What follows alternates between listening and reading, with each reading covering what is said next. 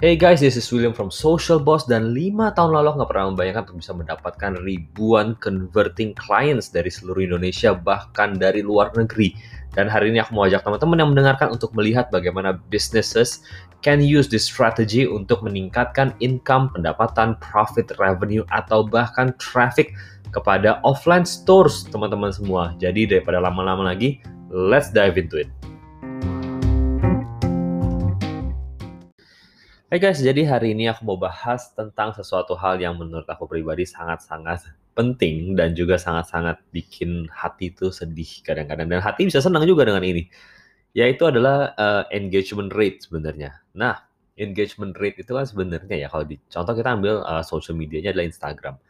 Nah, semakin tinggi engagement rate adalah kita menghasilkan gini. Uh, Instagram akan membuat konten kita tuh lebih terlihat lah gitu ya. Kenapa? Karena uh, menurut Instagram atau bahkan kita dilempar ke halaman explore gitu ya.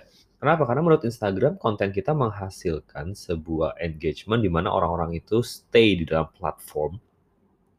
Semakin mereka stay di dalam platform kan semakin banyak orang yang melihat iklan gitu ya, impression terhadap uh, iklan. Nah, jadinya Instagram itu suka dengan konten-konten yang demikian. Sedangkan hari-hari ini engagement rate untuk carousel contohnya salah satunya adalah uh, produk apa namanya tipe konten di Instagram yang beberapa bulan lalu tuh kayak wah dewanya konten gitu ya. Sekarang drop jauh. Mungkin ada 50%, 60% dan aku cek ke orang-orang juga yang bikin carousel, uh, komunitas-komunitas microblogging bahkan sampai ke luar negeri dan aku ngelihat memang adanya uh, apa ya sebutnya ya downward trend gitu ya. Jadi ada tren-tren yang turun. Sorry. Dan juga uh, jadinya semakin engagement rate turun, semakin kita bisa ngeliat gini, kadang-kadang kita bisa ngerasa pertama adalah kita nggak jadi worth, kita nggak merasa kayak kita tuh orang yang mampu untuk ben, apa namanya uh, share something gitu. Kenapa? Karena simply orang-orang nggak suka dan kalau misalnya orang-orang nggak suka kan uh, logika dasar mungkin psikologinya gitu ya bahwa ya orang aja nggak suka berarti dia nggak akan suka kalau misalnya dia ngomong sama kita. Gitu ya. Kalau misalkan kita dari dasarnya memang nggak ada yang like, ya udah nggak apa-apa. Cuma untuk orang-orang yang pada dasarnya bisa mendapatkan misalnya kayak kontenku, aku bikin konten kadang-kadang bentuk carouselnya bisa 300, kadang-kadang pernah 400 atau foto-foto biasa bisa 400 gitu ya, 450, 500. Tiba-tiba drop jadi cuma 100. Kadang-kadang nggak nyampe 100. Itu cukup membuat tuh kayak aduh sedih ya gitu ya kok nggak ada yang like nggak ada yang ini bla bla bla segala macam tapi ada yang lebih penting daripada uh, engagement rate gitu ya yaitu adalah traffic yang masuk.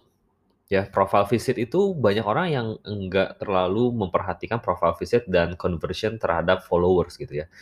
Kita mikirin betapa banyaknya likes kita tuh harus banyak yang likes gitu. Kalau followers pun kita pengen punya followers yang banyak.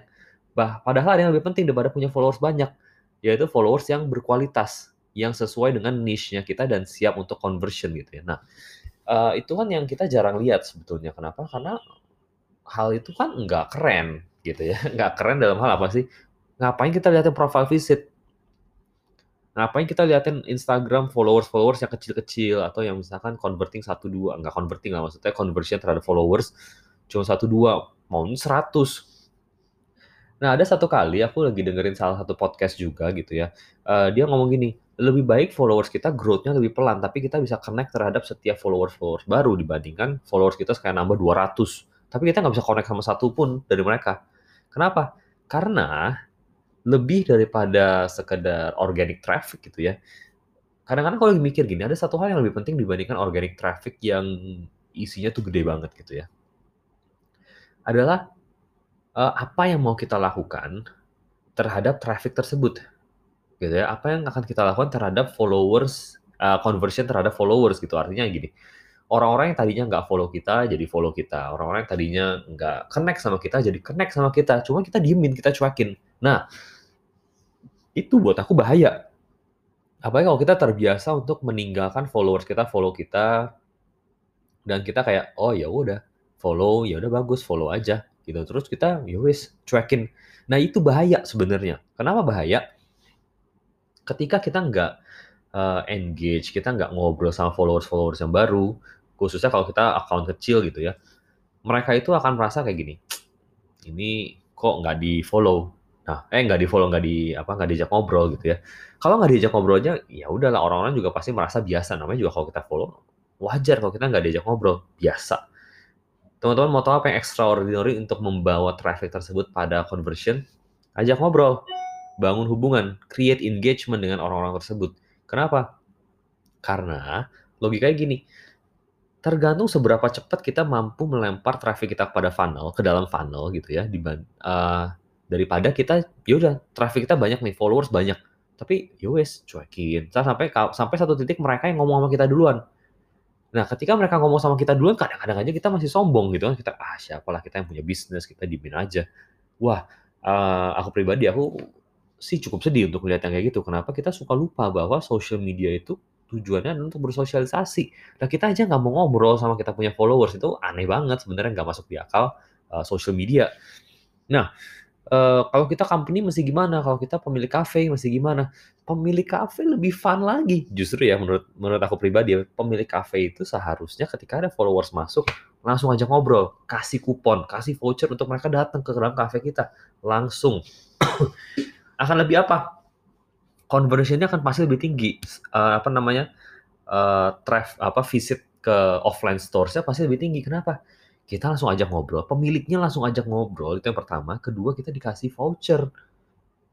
50% misalkan gitu, kalau kita yakin banget sama uh, makanan kafe kita, minuman kafe kita gitu ya, ya udah kasih aja. Toh mereka akan balik kok, akan ada re, apa namanya uh, retention juga. Kenapa? Karena kita yakin sama makanan kita. Kalau kita nggak yakin, nah itu problem. Kenapa? Jangan-jangan makanannya apa mereka datang karena voucher, nggak ada second visit karena makanannya nggak enak atau atmosfer kafenya nggak enak. Nah itu bahaya tapi kalau kita yakin dengan kita punya apa namanya produk, atmosfer, vibe dari cafe kita, why bother? Kenapa takut gitu? Kenapa kenapa kita mesti takut gitu? Kenapa kita mesti mikirin banget untuk kasih lead magnets? Sebenarnya itu lead magnets datanya gitu kan. Ketika mereka masukin nama untuk dapetin kupon, kita dapat data mereka besok-besok kita tinggal kirimin lagi promosi kafe atau apa atau kafe ada event bla bla bla segala macam itu sangat mungkin kejadian. Nah, jadinya penting banget untuk kita bisa dapetin data-data tersebut ketika kapan. Nah, penggunaan traffic yang masuk itu kita mesti ngapain? Itu yang buat aku tuh agak apa ya? Agak sedih lah gitu sebenarnya dengan orang-orang yang punya traffic banyak gitu, orang traffic masuk banyak. Tapi yo yo wes lah, ada traffic bagus, bagus, ada followers banyak, ya bagus gitu. Cuman ya udah kita diemin, mereka mau ngapain ya terserah. Mereka mau like ya bagus, mereka mau komen yang bagus, save ya bagus, share lebih bagus lagi. Tapi kita nggak mau send them to the funnel gitu ya. Nah, kalau di kelas coaching, aku suka ngajar gitu ya, kelas coaching aku selalu bikin framework. Nama frameworknya adalah Create, Send, Convert. CSC lah aku sebutnya gitu, CSC. Create, Send, Convert. Nah, sorry kita mau create apa? Kita mau create uh, kita punya konten, connection, relationship, trust, uh, dan lain-lainnya. Kita mau bangun semuanya landing page, sistem funnel, ads, dan lain-lain kita mau bawa untuk kita bisa lempar ke kita punya tempat di mana kita capture leads gitu ya. Sebenarnya kita mau send ke sana dan terakhirnya kita mau terus bangun hubungan, uh, kita mau panasin gitu ya. Kita mau panasin uh, temperatur dari kita punya uh, audience. Dari cold audience bisa sampai jadi hot audience atau hot customer gitu sebenarnya. Itu loh. Nah kita kadang-kadang tuh cuma ngerasa gini aduh aku mau pakai SMM ah social media marketing gitu ya. Oh pakai apa? Oh pakai Instagram Oke, gimana caranya? Oh yaudah bikin konten yang bagus. Benar, bikin konten bagus tuh bener banget. Kontennya bahkan lebih daripada konten bagus menurut objektivitas kita atau subjektif, bukan objektif. Uh, subjektivitas kita sendiri, kita tuh perlu satu konten yang relevan terhadap audiens kita. Cafe, ya kita mesti kasih lihat makanan kita, audiensnya, vibe-nya, seberapa rame, seberapa cafe ini menarik, cafe ini bisa dipakai untuk apa, bla bla bla. Kita mau sharing tentang kopi dan lain-lainnya. It's fine gitu, nggak ada masalah sama sekali. Akhirnya traffic masuk nggak? Masuk. Tapi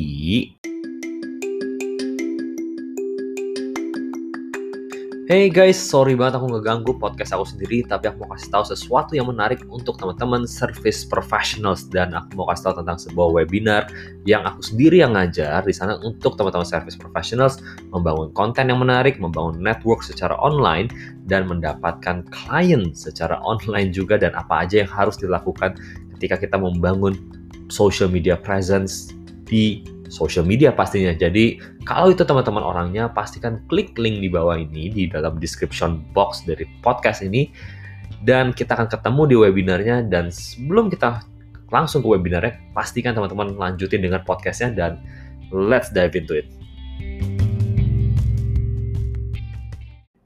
Tapi kita tuh nggak apa-apain dengan traffic yang masuk gitu. Kita bikin konten relevan, konten bagus, konten cakep gitu. ya. Cuman traffic yang masuk kita cuekin. Nah itu buat aku problem. Sayang bukan ada problem sih sebenarnya lebih tepatnya sayang kita bikin traffic, kita bikin iklan bahkan.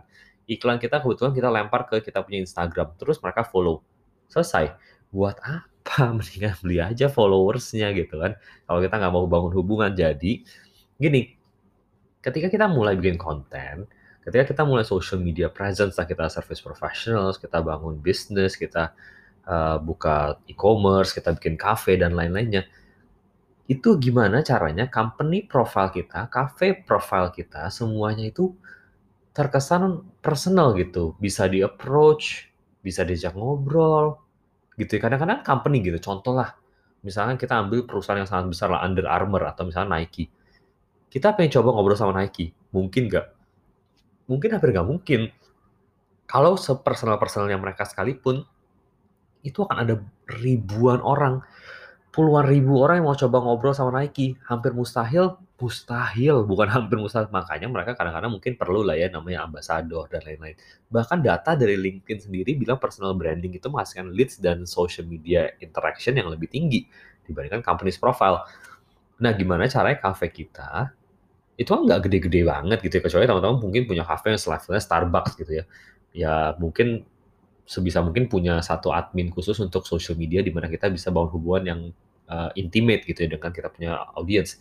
Kenapa? Hubungan yang intimate itu membangun trust dan relationship. Dengan relationship, reward dari kita bangun relationship, reward dari kita bangun trust based relationship adalah kita bisa punya conversion conversion itu kalau misalnya dari aku, uh, aku pribadi ya, aku pribadi tuh nggak pernah merasa conversion itulah goal dari apa yang aku mau lakukan di social media. Ya kadang-kadang kalau misalkan pikiran lagi merasa kayak, aduh gue butuh duit nih, gue butuh duit nih, ya bisa lah melenceng gitu ya. Cuman pada dasarnya ketika aku mulai social media mana pun, pada dasarnya aku mikir gini, oh ya namanya social media ya goalnya adalah bangun hubungan, pengen coba temenan dari zaman 2010 aku main kaskus pun begitu ya aku bikin konten gitu di Kaskus gitu, bikin thread, bikin obrolan-obrolan random. Ya supaya apa? Supaya orang-orang yang baca threadnya dan mereka komen di sana. Terus lempar-lemparan bata ya kalau di Kaskus, lempar bata, lempar cendol gitu ya. Nggak tahu nih, mungkin ada nggak teman-teman yang se seumuran gitu ya, yang lagi dengar seumuran ngomongin Kaskus. Nah, itu loh yang kita kejar sebenarnya, relationship jadi social media itu sebenarnya menarik banget karena dia punya kesempatan, eh memba apa namanya membuat kita punya kesempatan untuk punya klien, partnership, uh, relationship, bahkan pacar. Kadang-kadang ada temen aku yang menikah lewat ketemu di social media. Gokil banget, gila banget gitu kan sebenarnya. Nah itu yang bisa dijadikan, ah boleh dijadikan lah, itu yang bisa dilakukan oleh social media. Tapi lihat, pada dasarnya semua mencoba untuk bangun relationship. Kita mau bilang gini, oh saya ke social media pengen cari partner bisnis kalau kita nggak percaya sama partner bisnis kita, kita pilih aja random orang di social media. Kalau nggak percaya kan kita juga nggak mungkin lakuin. Nah, jadi pada dasarnya semua goal di social media pada dasarnya adalah untuk kita mulai dengan kita bersosialisasi dulu, membangun trust based relationship, entah itu masalah kita mau cari uh, apa namanya cari pacar, uh, cari klien, cari partner bisnis, cari collaborator, semuanya itu didasari oleh hubungan yang dalam gitu, hubungan yang saling percaya Contoh lah, aku punya banyak klien yang insurance agent. Insurance agent dulunya setelah waktu pertama kali aku mulai masuk, aku pikir adalah gini, nasabah yang harus percaya sama agentnya. Apakah agentnya kabur atau bla bla bla. Tapi semakin aku mendalami, semakin aku ngobrol sama insurance agents, that's not the case gitu ya. Artinya apa? Nasabah uh, agent pun harus percaya sama nasabahnya bahwa nasabahnya akan uh, long lasting Artinya apa? Kalau misalkan mau punya hubungan yang mutualisme gitu, yang sama-sama saling uh, percaya, ya dimulainya bukan dari goal kepala pingin conversion, nggak mungkin bisa, itu mustahil. Nah, jadi apa yang harus kita lakukan? Kita harus bangun trust-based relationship, di mana kita bisa kasih value terus-terusan. Pertama, value-nya adalah gini, konten Instagram kita atau konten social media kita. Kedua adalah kita punya uh, lead magnets, di mana kita kasih value lebih, gitu ya. Nah, dari lead magnets ini, ini yang tempat kita mau bisa kasih uh, orang-orang tuh baru mulai convert ketika di situ. Gitu ya, social media itu akan sangat-sangat susah untuk menghasilkan conversion. Mungkin kalau kafe gitu, makanan, toko baju gitu, mungkin mungkin masih bisa lah. Bahkan kalau misalkan uh, kafe, toko baju dan lain-lain, bahkan toko baju ya, contoh toko baju gitu, e-commerce, uh, fashion ada banyak e-commerce fashion yang menarik sebenarnya. Kayak gimana menariknya? Ketika kita klik linknya di what, uh, di Instagram, masuk ke sebuah halaman website mereka di mana mereka keluar pop up dan suruh kita isi nama, nama, email, nomor telepon gitu, bla bla bla. Kemudian kita dapat voucher diskonan untuk baju lah. Gunanya apa sih sebetulnya? Lead magnets supaya mereka dapat database Nah, ketika itu dapat database, kita bukannya nggak mau tuh, kita pengen memang pengen beli bajunya mereka, eh dikasih diskon, ya ya puji syukur gitu kan dapat diskon. Kita pasti mau dapetin diskonnya. Nah, itu loh yang penting sebenarnya kita dapetin diskonnya untuk apa? Dapetin first initial uh, meetingnya gitu ya. Value ladder pertama lah. Nanti kan akan ada kalau misalkan toko baju atau misalkan consulting atau cafe, kan ada namanya customer LTV gitu ya, lifetime value supaya adanya retention ketika kejadian itu. Nah, jadi traffic itu jangan cuma di oke okay, followers nambah, good job gitu ya, bla bla bla segala macam. Oke, okay, gue keren sekarang followers gue banyak, gue bisa swipe up. Itu nggak penting gitu, swipe up itu bagus gitu ya. Cuma what do you do with your traffic is more important than the number itself gitu ya. Apakah kita bangun hubungan dengan mereka? Apakah kita lempar mereka ke sebuah landing page, apa kita kasih mereka value lebih, atau kita sekedar melihat angka di social media kita growing dan akhirnya kita sendiri yang ter apa ya terjebak dengan uh, addiction terhadap social media. Kenapa? Karena itu pada dasarnya social media memberikan growth supaya kita punya investment di dalam uh, social media tersebut. Sama lah kalau kita main game, semakin karakter kita tambah kuat, kita makin makin addicted terhadap game tersebut. Makanya kita makin beli barang, kita makin ini buang uang di dalam social apa mobile mobile games dan lain-lain gitu ya. Sama social media juga sama, desain dasarnya begitu.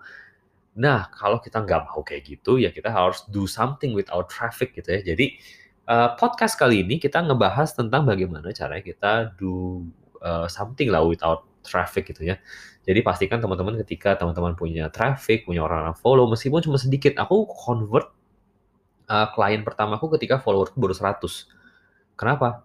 Ya because that's what I was doing gitu kan. Uh, ketika ada followers masuk dari followers ke 50, aku udah mulai gini.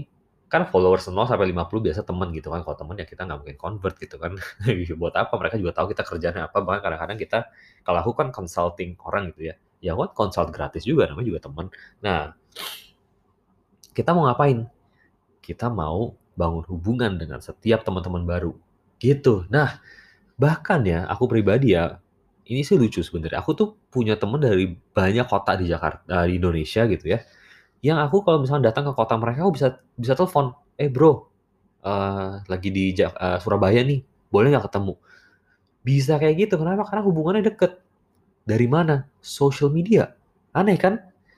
Jadi social media itu kita nggak cuma dapat klien, kita bisa dapat friendship juga yang real gitu. Jadinya pastikan kita uh, bangun relationship yang didasari oleh hubungan. Hubungannya ini sendiri yang akan menghasilkan conversion, bukan goal, bukan mata kita yang melihat conversion, bukan mata kita yang terus melihat duit atau mata kita yang terus melihat apa yang bisa kita lakukan terhadap kita punya followers. Maksudnya tuh gini, apa yang bisa kita lakukan agar followers kita kasih uangnya mereka ke kita? Bukan itu. Tapi adalah gimana cara kita punya hubungan kepada setiap followers kita sampai mereka tuh saking percayanya sama kita, mereka tuh bilang gini, Pak, Bu, saya boleh nggak bayar jasa Bapak Ibu buat bantu saya? Saya percaya banget sama Bapak Ibu untuk membantu misalkan uh, problem finance saya dan lain-lain. Nah itu keren gitu loh teman-teman ya. Jadi pastikan ketika kita ada traffic, ketika ada followers masuk, kita langsung ajak ngobrol. Kita do something with the traffic. Jangan sampai trafficnya ditinggalin. Mereka sedih. Mereka itu pengen connect sama kita semua. Gitu kira-kira. Oke, jadi thank you banget dan kita akan ketemu lagi di podcast dari Social Boss berikutnya. Di dalam Social Boss kita akan ngebahas banyak hal tentang strategi social media dan juga interview dengan pemilik-pemilik bisnis di Indonesia pastinya gitu ya. Dan kita akan ngobrol tentang social media strateginya mereka dan kita berharap teman-teman juga bisa praktekin social media strategi yang kita sharing dan mereka pakai. Jadi Thank you so much for listening dan kita ketemu lagi di episode berikutnya.